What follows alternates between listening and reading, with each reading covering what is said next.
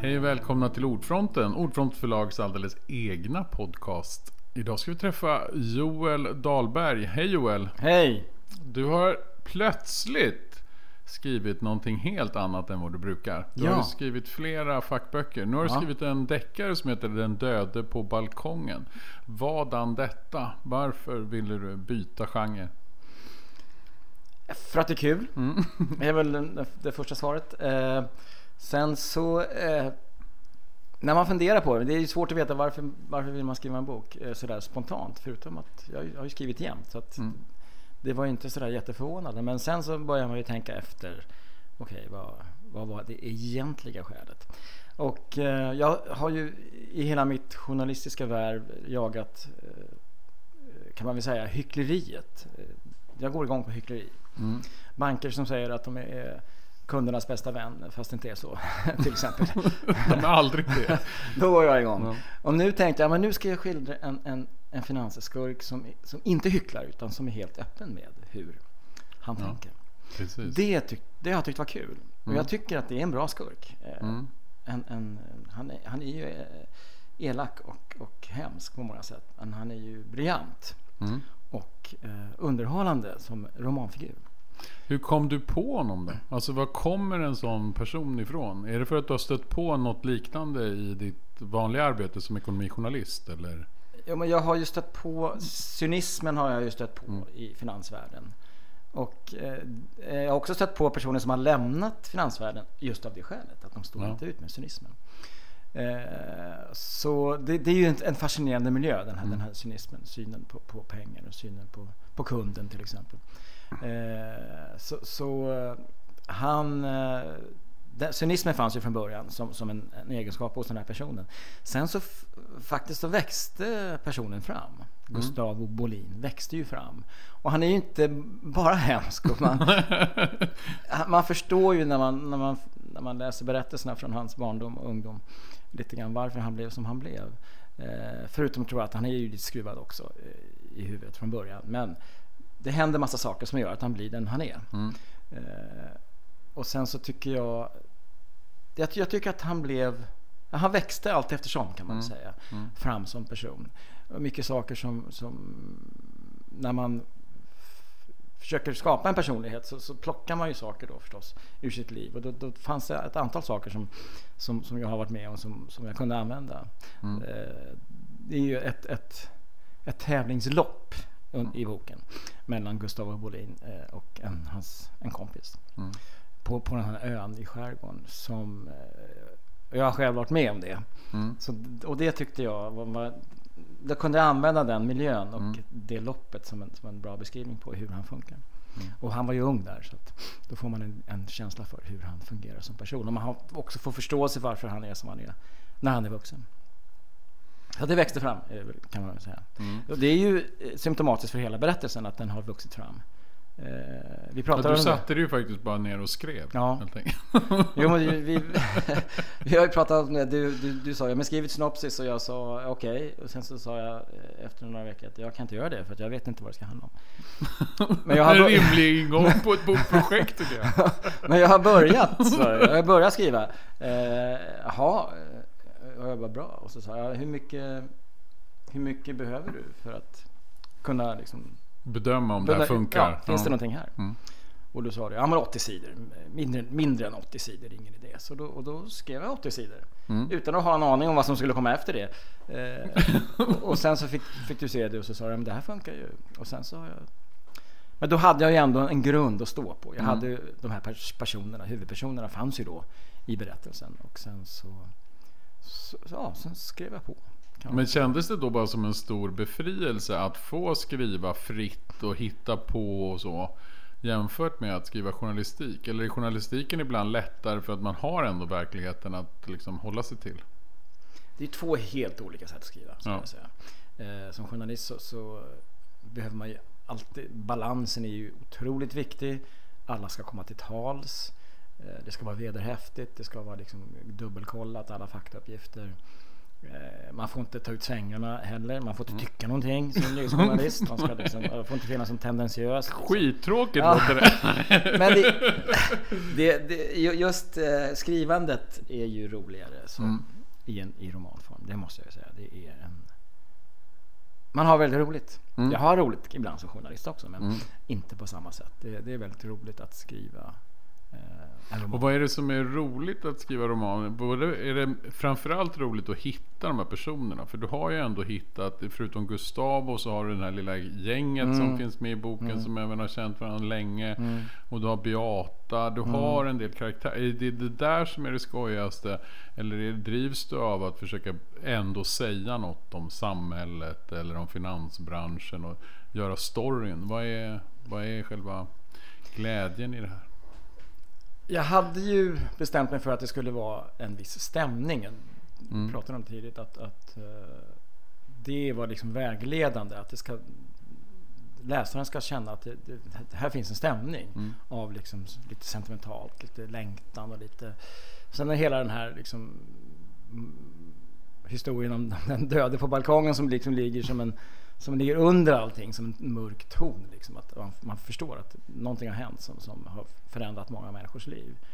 Och väldigt tragisk händelse. Så att, eh, så att det ligger ju under. Men det, men det, är- det är ju ingen traditionell mordhistoria. Nej. Kan man inte säga. Det är ju inte en who done it liksom. Att man ska, någon, någon har mördats och man ska ta reda på vem det är. Så är det ju inte. Utan det, det, det är väldigt oklart vad som har hänt. Det är till och med oklart om det är ett mord. Mm. Det är ett, ett brutalt dödsfall, det vet man. Men är det, är det Därav mord? titeln på Ja, boken också. precis. Den döde på precis, balkongen. precis. Eh, och det kommer ju klarna naturligtvis. Mm. Men eh, så, nej, det mycket, där hade jag bestämt. Det ska, vara- det ska vara mycket stämning.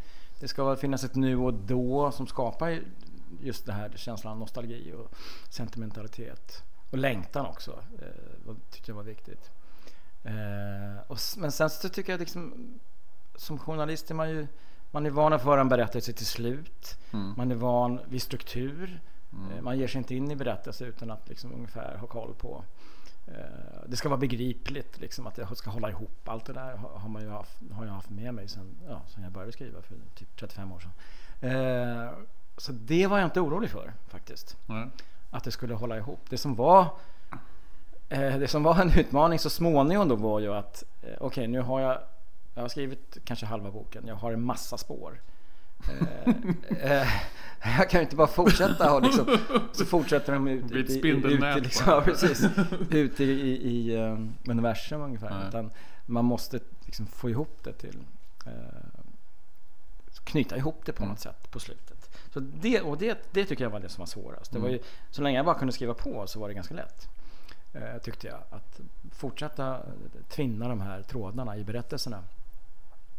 Eh, men sen så när det då skulle till slut föras till något slags eh, slut som ändå inte är ett slut. Det är ju det är ju en, en stor blir, cliffhanger. ja precis. Men man får ändå vissa svar på Ja, vägen. det får man absolut. Det är inte Men så det- att du bara lämnar oss mitt i historien. Nej. Men, men eh, folk som har läst och som har ju sagt att Mm. det, fan, det var en jobbig cliffhanger. Så jag hoppas det kommer en uppföljare snart. Och det Mm. gör det ju, hoppas jag. Mm, absolut. Så fort du hinner skriva. Så fort jag hinner skriva den. Eh, Men ja, och den, den kritik som finns, ja, det är väl just kring alltså, finansbranschen och hur Mm. den fungerar. Och det är ju... För det är ändå så, det känns ju så, eller det har vi pratat om, att det finns ju de här möjligheterna. Att, alltså att många också använder, manipulerar Ja, marknaden, ja. Oh ja. försöker använda journalister, påverka branschen på olika sätt. Oh. Och det använder de sig av ganska flitigt i, den här boken. ja, det är väldigt man, han är väldigt manipulativ då, Ja. Gustav Bolin. Mm. Eh, på ett... Eh, och jag, jag, tyckte, jag tyckte det var, ro, det var roligt att skriva just hur, eh, hur han använder sig av media för att Mm. manipulera, för att, få fram, för att få saker att hända. Utan att de som är utsatta för det förstår vad som har hänt. Nej. Det var roligt. Mm. Det tyckte jag var kul. Det var, det var, Men är det så också när du är journalist? Är du uppmärksam på sådana här? Känner man att det finns saker, alltså det sker utspel hela tiden och man försöker manipulera er också? Ja, ofta är det ju väldigt öppet Ja. att man blir kontaktad av någon. Mm. Men ibland så sker det ju så att säga i det fördolda. Att, man, Man förstår inte vilket Man- precis, spel jag man vet ingår i. precis. Liksom. Mm. att jag inte vet varifrån det kommer. Mm. Att man märker att det finns en, en, ett försök till påverkan men jag är osäker på varifrån det kommer. Eh, och det där är, det är ju en del av professionen så att säga. Mm. Vi som journalister måste ha koll på okej, okay, om jag skriver om det här, om jag följer upp det här tipset, mm. vems ärenden går jag som journalist? Mm. Ibland kan man säga att det spelar ingen roll, det är en jättestor nyhet. Visst, okay. Nu kör vi bara. Nu kör vi. Mm. Eh, så kan det ju vara, men om det visar sig att ja, men den här VDn eh, är dömd för, för, för sexuellt ofredande, fast det är inte ute ännu. Ja, men då kan jag strunta i varifrån tipset kommer. Stämmer det så, ja, då, skriver man ju om det. Ja, precis. Men, men, det finns ju andra då där, eh, där det inte är lika tydligt kanske. Mm. Det finns inte en dom. Det finns, ja, det finns inte något, något tydligt dokument som visar vad som har hänt. Det, då får man ju vara lite mer försiktig mm. kring Okay. För det känns ju som att herr Stefan, han är också lite orolig i ja. boken. Alltså ja. varifrån kommer saker, vem är som, och på vilket sätt är han själv viktig i det här Precis. pusslet och så vidare. Och han är ju egentligen mer insyltad än han borde vara. Mm. Vilket ju är en ständig fråga för honom själv då. Ska, mm. ska, jag, ska jag verkligen hålla på med den här storyn? Mm. Han bestämmer sig för att han ska det. Mm. Uh, och den, den delen är inte heller slutförd. Liksom. Vad, vad får det för konsekvenser för honom? Att han faktiskt uh, Gjorde det här, kör den här storyn. Mm. Ja. Uh, men det har, varit, det har varit jätteroligt att skriva. Mm. Jag har Folk frågar mig, och särskilt med kollegor då Mm. i, i branschen. Liksom, Okej, du, hur fan gjorde du liksom? Du skrev klart. Mm. Många har ju, som skriver Massor, regelbundet. Många. har ett halvt manus. Ja, som Men- ligger i en byrålåda liksom. Men man skriver inte klart. Det är svårt liksom. Skriva Men klart. det är ju svårt. Alltså det är väl det är väl många som har, det tror jag är vanligt bland författare också, börjor. Mm. För att det, man tänker det här är en bra ingång. Ja. Och sen tappar det Mm. styrfart ganska snabbt. Ja. Så början kanske egentligen är lättare än att färdigställa. Det brukar i och för sig Mm.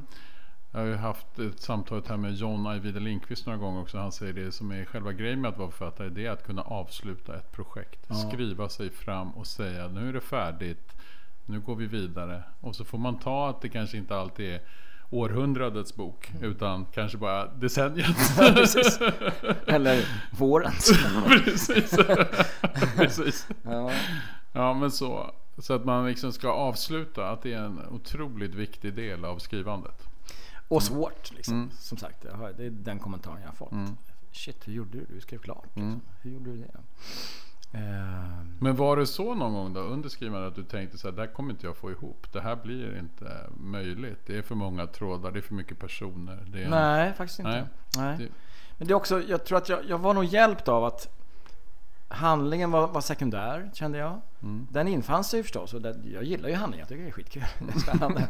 Men den fick liksom komma allt eftersom. Och jag, jag byggde mer på, på stämningen mellan de här tre ungdomskompisarna då som sen träffas på grund av de här Mm. sakerna som händer i boken. Och eh, Gustav förstås och hans sällskap då Mm. som han har bildat. Eh, eh, och det, när, när, när väl de pusselbitarna fanns så, så, tyckte jag men då handlingen på något sätt infann sig. faktiskt. Och, och just, just det här att jag hade bestämt att journalistiken, redaktionen ska vara en viktig del. Och då blir det förstås kanske naturligt att, att, man, att det kommer det här med mani- manipulation av media och journalister. Att det är en del av spänningsberättelsen. Att hu- hur går det till? Mm. Och vad får det för konsekvenser? Eh, den här stackars kvällstidningsjournalisten råkar ju ganska illa ut, Mm. måste man ju säga. Eh, han får ju sparken och liksom hamnar på Skolverket. Just efter att ha blivit manipulerad Ja, och gjort bort sig liksom. Eh, och där, det, det, där jag känner mig hemma där. Mm, det är väl det som också var viktigt för att du skulle kanske Ja. kunna bli klar. Alltså Ja. att du hade ändå en tidningsmiljö som du känner Ja. utan och innan. Och det är väl bra när man hemma där. skriver sin första roman att man Verkligen. har någon plats som känns hemma. Men sen har det varit väldigt, väldigt roligt. Mm. Beata Montan är ju med. Eh, hon, Hon är ändå en favoritfigur. Ja, hon, ja, det, är flera, det är många som har sagt det faktiskt. mm. Jag gillar Beata Montan. Mm. Eh, och det, det var en väldigt rolig eh, del av berättelsen. För att där satte jag mig och jag hade bestämt innan jag började att ja, men, eh, huvudpersonen då, journalisten Stefan Wiklund, ska få ett samtal ifrån en pensionerad kvinnlig journalist. Mm. Det hade jag bestämt. Det, det är ganska mycket min mamma i, i den här personen. Eh, men det, that's it liksom. Mm. Inget mer än så. Och så, så hade jag kommit i, i boken Mm. till sidan 30 var det när, när hon ska när hon ringer liksom. Ja. Okej, ja, okej, det ringer på telefon. Ja. Och sen så och sen så typ tre timmar senare och 10 av 4 sidor senare. Mm. Så liksom. Vaknar du upp? Ja. Eller? ja. Så då har jag skrivit i ett streck hela dialogen. Mm. Att han går dit och de pratar och hon berättar om sitt möte med Gustavo Bolin. Och liksom, det blir väldigt sådär. Uh. Mm. Ja, obehagligt och jag kände oj, vad, vad händer nu? Ja men det här är liksom fascinerande att okej nu, nu är jag bara en medresenär här. Mm. Jag bara... Att du fick Ja. det där flowet Ja, ja. som det heter. Och då reste jag mig sen och satte på en kaffe och liksom tänkte oj. Det här, Det var, här det här vara. har jag kanske inte varit med om förut. Nej? Att det flyter på så här. Och den scenen är i, princip oförändrad. Mm. Sen eh, jag först skrev den. Så är det nog ofta tror jag. Även för, alltså när författare får den där känslan att nu skriver berättelsen sig själv. Ja. Att det ofta blir ganska bra också. Sen får man ju kanske gå in förstås och redigera och fiffa och ändra Ja. något litet. Ja. Men, men det är ju ändå den där känslan som måste infinna sig med jämna mellanrum i skrivandet tror jag. Det ska bära. Och det lustiga är ju då att då förstås folk som, som har läst återkommer till mig och säger jag älskar Beata Mantan. Mm. För att Ja, hon är ju som hon är. Hon är ju rolig, rolig och bestämd. Och eh, ja, hon kan dra en story. Som, det kommer ju fram. Hon kan Mm. dra en story. Eh, så det, det, är, det är roligt och det är ju en, en vilken fröjd och vilken lyx. Mm.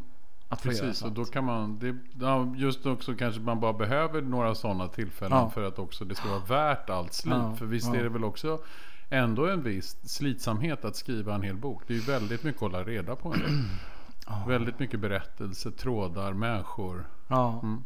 Men du upplever inte det? För det kan ju Ja, man det ju, har varit tror jag- mest, mest roligt faktiskt. Mm. Det har varit mest roligt. Och jag, har ju, jag har inte haft bråttom. Nej. Till skillnad från nu då. Nästa bok ska skrivas. ja precis, nu, nu jävlar. Ja, jag har inte haft bråttom egentligen. Jag har kunnat, det har kunnat ta den tid eh, som det har tagit. Mm. Eh, och jag har skrivit på och jag tyckte men det här, jag gillar det här, det funkar liksom. Mm. Jag gillade personerna, jag gillade, jag gillade stämningen också precis som jag hade tänkt från början. Eh, och sen tänkte jag men det här, ja. Och jag gillade också att det inte var en traditionell eh, spänningsroman med liksom ett mord och sen så ska man jaga en mördare. Utan det var, det finns, ja, Men en annan det typ av som gör berättelse. den lite mer också, alltså gör den extra spännande på ett sätt Ja, jag också. tycker det. Mm. Jag tycker att, jag tycker Att man är lite bra. osäker Ja. hela tiden på vad som, vart bra. är det här på väg? Sen har jag också faktiskt, det är en annan sak som jag är väldigt nöjd med är att den, är, den är rolig Mm. på sina ställen. Är ganska rolig, man skrattar liksom. Jag skrattar fortfarande när jag läser. Det är ganska roligt faktiskt. Jag kan inte låta bli att skratta. Fast när jag liksom kan storyn utan och innan. Så tycker jag, men fan, fan Joel, nu var det roligt. Bra liksom. det är ju härligt. Eh, det tycker jag, jag är väldigt nöjd med det. Att det faktiskt finns eh, några passager som är, som är roliga. Mm. Beata Montan är ju rolig. Ja. Ja, eh, bland annat. Och sen finns det andra passager där jag tycker men det här var roligt. Eh, för det, och det är faktiskt min en person som jag känner, hon läste och hennes mamma låg eh, fanns i rummet bredvid Mm. och hörde, hon visste att hon läste min bok och hon hörde liksom Men herregud skrattar du? Mm. Ja, det, är väl en spänningsroman? Mm. Så hon, hon reagerade på att Okej, den, är, den Men- är rolig. Precis. Det väl, ja, man får ju skratta. Det är skönt. Det är ju alltid roligt när det finns humor. Även om inte det ska heller vara sökt eller hitta. Alltså det, där, det, är, det är kul att man får dra på. Och jag tror att man gör det oavsett om man känner till branschen och så. Den, är Mm. inte, en- den bygger ju inte på den typen av humor heller. Att Nej. man måste känna igen det här. Och Nej, nej. veta att nu gör de något fel eller så. Utan. Men hur, hur kom du på själva sällskapet? För det är ju en viktig del av boken. Ja, det här absolut. sällskapet och förklara vad det är. Men det är också där, det jag tror också ger boken en, en viss styrka. Det är att det känns som att det, även fast Gustavo är som han är, så känns han också som att han kommer underifrån. Eller Ja, hur? Alltså det finns ett perspektiv Ja. som ändå hela...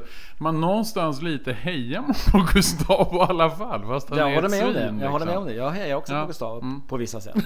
För att han är en, han, precis, han är en, en underdog. Han Ja. kommer liksom från en miljö som inte fostrar så många finans eh, eh, kan man väl säga. Så att där, där tyckte jag att, att men det, det var ganska utifrån det jag visste om Gustavo vid, när jag kom till den delen av berättelsen att men han, han är en outsider Mm. men han är smart. Mm. Eh, och han fattar att ska jag, ska jag göra mig en framtid i finansbranschen så måste jag ha folk jag kan lita på. Mm. Annars är man Ja, körd. ja. Man måste ha sitt nätverk. Precis, liksom. man måste ha sitt nätverk. Och eh, så småningom när jag blir när jag liksom får ett, ett, ett, eh, ett jobb någonstans som någon, ja, blir en, blir det liksom en, en person att räkna med i finansbranschen. Då kommer jag få folk som jag kan umgås med och samarbeta med. Men det är för att jag har en position. Mm. Nu ska jag skaffa mig ett nätverk som är oberoende av position. Som bygger Mm. på annat än än liksom Mm. att folk Som vill- alltid är obrottsligt Precis, lojala ja. mot varandra. Ja. Ja. Och vi har alla gjort saker som vi alla känner till och därför är det liksom alla vet allting. Mm. Och eh, eh, också det här att om alla vet allting så har ingen makt över någon. Nej. Precis. Det är- också Mm, en devis precis. i det här Mm. sällskapet. Alla vet allting om alla och då har ingen makt över någon. Eh, Och det är ju sant. ja, jo, men det är sant. Mm. Jo, det är sant. Mm. Så, och eh, så bygger han då sitt, sitt, sitt, sin plattform och sitt nätverk runt de här eh, runt det här sällskapet. Och eh, ofta alltså, inte så kontroversiella saker men ibland blir det brutalt. Liksom, att man, Mm. man förstör människors liv via information som man inhämtar via det här sällskapet. Och det, det skapar ju friktion förstås då i, i sällskapet. Och det blir ju mer av det i bok nummer två Mm. om sällskapet och hur slitningarna i, det, i den miljön. Mm. Det ser jag fram emot. Det är väldigt Och det spännande. där är ju spännande tror jag för också, även det är en sån där detalj med säll, både att sällskapet lite bygger på att de alla har lite underground eller Ja. underdog perspektiv på världen. Och att de vill alla ha någon slags revanschism. Men det finns ju också det där tror jag att, som alla kan känna igen sig i oavsett nästan vilken bransch man är i. Att det ofta finns ju nätverk, Mm. gamla familjer, Mm. gamla Mm. kontakter. Vissa Etablerade. har en massa fördelar framför andra. Mm. Etablerade Ja, nätverk. precis. Och det här försöker han då bryta med att bygga upp ett eget Ja. nätverk. Ja. Och det är det som jag tror många kan känna igen och finna liksom lite nöje i. Mm. Ja, ja, men han slår ju tillbaks på något sätt. Mm. Han fattar, okej, det finns ett et- etablissemang som jag så småningom kommer vara en del av. Precis. jag kommer nå en Mm. position Mm. som gör att jag blir en del av det. Men jag kommer aldrig vara helt accepterad. Nej, precis. För att jag, jag har en outsider. någon säger som Precis, katten har ja. släpat in. Mm. Och då har jag det här andra Mm. sällskapet som Mm. där jag där vi stöttar varandra. Och precis, alltså förutsättningarna för det sällskapet var ju att man inte hade del av de här nätverken. För De fina då- gamla precis, pengarna ju- och så. Mm. För då var ju logiken att ni är lika beroende av det här som jag. Mm. Precis. Jag fattar nyttan av det här sällskapet och det gör ni med för Mm. ni är som jag. Precis. Eh, så det, där fanns ju en logik i att, och alla fattade ju det Mm. liksom att ja men okej vi, vi förstår vad du säger och vi, Mm. vi inser att vi kommer kunna ha nytta av det här. Sen blir det ju, sen kan man väl säga att det, det spårar ut till viss del. säga. Så att, det är inte helt trevligt. nej, det är inte helt friktionsfritt och inte helt problemfritt. Så att, eh, men, eh, Men tror du att det är så här också till viss del det kan funka i branschen? Finns det de här dolda nätverken? Alltså de har, vissa är ju helt uppenbara Ja. eftersom det är stora maktcentrum har Ja, byggts upp kring dem. Men tror du att det för sig kommer det här också? Att man på något sätt har nätverk som vi inte riktigt vet om? ja det tror jag Ja, absolut. Mm. Man måste ha det kanske. Mm. Sen är det ju här skruvat då för att eh, de går ju väldigt långt i Mm. sin Du informationsinhämtning. tror inte att folk gör exakt så Jag, här nej, i jag, verkligheten? jag, jag tror inte, men att det finns, men att det finns, eh, att det finns nätverk som är osynliga just Mm. av det skälet att man inte vill att det ska komma fram. Mm. Att den och den och den känner varandra. Mm. Det, det, det är absolut. Mm. Eh, men sen är det ju här, det här är ju organiserat Mm. och eh, Uppstyrt Ja, då. uppstyrt Alltså väldigt- och med, med ett väldigt tydligt syfte också dessutom. Det känns ju Ja. nästan som ett litet ordenssällskap Ja, eller precis. något sådär. De Men har det är ju väldigt regler. tajt Ja. hållet. De är, Mm. de är inte jättemånga. Så. Nej. Och det var, det var roligt att skriva om Mm. det här sällskapet. Mm. Eh, Och det roliga är ju också att det känns ju som vi säger här att det känns också som att det skulle kunna hända. Ja. Det är det. Ja. Alltså det du Ja. ligger nära någon slags verklighet i alla fall. Eller man tänker om det inte finns så borde det uppfinnas. Ja? Jag tycker också det. Det, det, det är ju inget konstigt att de här Nej. människorna hittar varandra på Handelshögskolan.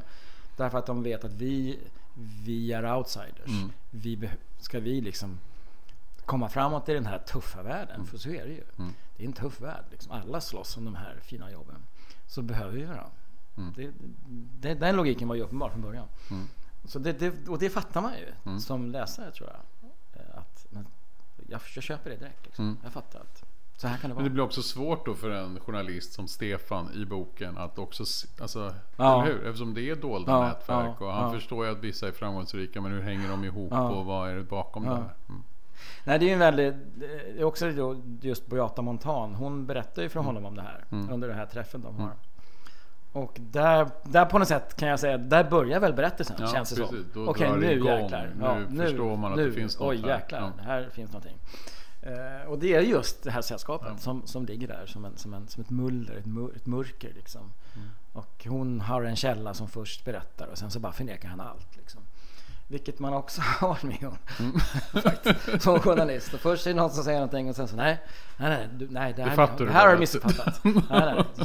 Ja, men, Jaha. du sa ju så här. Nej, Mm. nej, inte. Jag påstår nu motsatsen. Ja, det, det, det är inte jättevanligt men det händer och då, liksom, då, då står man ju där. Mm. Då har man inget att komma med. Nej, då ska du ha väldigt mycket på fötterna om du ska påstå någonting som personen som du citerar säger att det där har jag aldrig sagt. Nej. Då ska man ha väldigt mycket på fötterna. Faktiskt. Och det, det är skitsvårt. Och det händer som sagt då och då. Och hur känns det nu då inför, nu har vi ju ändå pratat om att du ska ju skriva uppföljaren. Är det liksom, känns det som att det är lite krattad manege nu ändå? Att det är lite, borde vara en kortare process att komma Ja. vidare? Du har Ja. lagt ut en del trådar Ja. som du kan följa Absolut. upp. Ja men det är, ju, det är ju klart att det är lättare när jag har eh, ett persongalleri som jag känner. Eh, Jag har en grund, alltså en massa saker som har hänt i första boken som ska, som ska fortsätta i andra boken. Eh, Sen har jag ju då tänkt att lägga fokus på Beata Montan. Mm. Kanske 15 år tillbaks i tiden när hon börjar nysta i historien om Gustavo Molin. Mm. När han är ny, färsk som finansperson. Eh, och hennes berättelse om hon, det är ju det, det, är det materialet som, som hon lämnar över då. Mm. Eh, Till, eh, I Stefan, slutet på boken. Ja, precis. precis. Och eh, hela, det, hela den research hon har gjort under 15 år som, som, som är opublicerad. Och, eh, och det är ännu okänt vad det innehåller. Mm. Eh, så det Även ska- okänt för dig. Ja, till delar okänt för mig. Så, eh, så det ska bli jättekul att, att, att sätta tänderna i det. Eh, och, ut, och, och även måla Beata Montans person på ett, mer, på ett fullare sätt. Mm. Hon är ju då aktiv som Mm. journalist. Så att, Ja, då får hon vara med liksom. då får hon vara med. agera Verkligen. Då blir hon en person, ett jag, ett subjekt i berättelsen Mm. på ett annat sätt. Eh, Men sen också, så, så, det blir ju ett nu och då även här. Det blir Mm. ju Beata Montana och sen blir det ju trion då och trion nu. Mm. Och hela Gustavo Bolin och hela den nyhetsstoryn som, som Hela sällskapet Ja, där som finns. Så det är många trådar och, och att eh, Men du följa upp. tänker ändå att du, det blir ungefär samma skrivmetod? Det är inte lite samma? Nej. Eller kan du ha ett synopsis nu? Nej, nej har jag egentligen inte. Ja, lite grann har jag. Jag har ju stolpar liksom. Mm. Jag har lite idéer om, om hur vissa av de här berättelserna ska liksom föras vidare. Men, men det finns inte ett, ett färdigt synopsis. Nej, Nej. det finns inte. Ännu. Så du har några månader på dig att tänka ut. Ja, jag har några månader på mig. Provskriva lite. Jag får väl- Förkasta och skriva om. Ja, jag får väl skrika till om det. Men det känns, det känns bra. Det känns lovande. Jag tror Mm. att ehm, det känns som att det kommer gå bra. Men har det här också då varit något du har gått och tänkt på hela, alltså länge att du ville skriva skönlitteratur? Alltså Ja. har det varit och legat och bubblat i dig under många år? Ja, kan man nog säga. Jag har ju samlat på mig sådär, rafsat ner lite grejer, lite idéer och lite senaste kanske tio åren i alla fall ska jag säga. Sen, men jag har inte vetat vad som skulle bli av det. Sen till slut så bestämde jag mig för, men vad fan ska jag skriva en bok så ska jag väl skriva en spänningsroman för det är det som säljer. Och, och sen visade det sig att det var ganska Om man nu roligt. ska lägga, Ja, lägga Det var alternativ. roligt. Ja, liksom. det var ganska roligt att skriva Mm. en spänning. Jag tyckte det Mm. funkade faktiskt. Eh, Men det du kan också ligger ju nära spännings, eller hur? Alltså Ja. det, du har, det du har gjort i ditt yrkesliv Verkligen. Är ju sånt som man vill veta Ja. om man läser en, En redaktion. Ja, redaktionen, I en bra miljö för- ekonomisk Ja. liksom, tjafs eller liksom brottslighet. Mm. Och det är personer som man gärna vill se att de ska Ja. åka dit. Ja. Eh, Samtidigt som man då också kan tycka att det är roligt om det går bra för. Alltså förstår du? Gustav det, där. var- Mm. där är man ju lite, Ja, lite kluven faktiskt. Ja. Vill man att han ska åka dit? Ja, vet fan alltså. Han är ju en skurk. Han är ju liksom en, en, en charmerande Ja, men det är väl alla de här som försöker, alltså underdogs är ju jävla, Ja. det, man vill ju alltid Ja. att de ska på ändå sätt få klara sig. sin revansch och Ja. vinna även nästan hur de än beter sig. Ja. Som Scarface. Typ. Ja, alltid de där komlingarna. De Ja, man vill ju att det ska... mm, gillar honom på något sätt. Fast han är ett svin. Nej men det ska bli spännande. Jag ser fram emot att, att föra berättelsen vidare. vidare. Ja. Och eh, hur många kommer du ta ihjäl den här gången? Ja, Beata Nej. må- ja, det har, ja, Det det vet jag har inte bestämt faktiskt. Nej. Någon blir det väl i alla Mm. fall. Och Stefan han är, kommer förstås att ha en viktig roll även Absolut. den här gången. Det är Ja. han som driver det Ja, här. ja. Men det måste som sagt vara väldigt skönt att ha personer. ja. Alltså ja men det, är, ja, men det är en bra, dem. ja. Ja. verkligen, att ha en plattform. Det är underlättar ju väldigt. Man slipper ju skapa dem då. Eh, Det är ju redan gjort, det jobbet så att säga. Eh, Men, men Beata Montan blir också en viktig drivkraft ju. I då, dåtid Mm. så att säga. Det är hon som... Det är tur att du gillar henne så mycket. Ja, ja.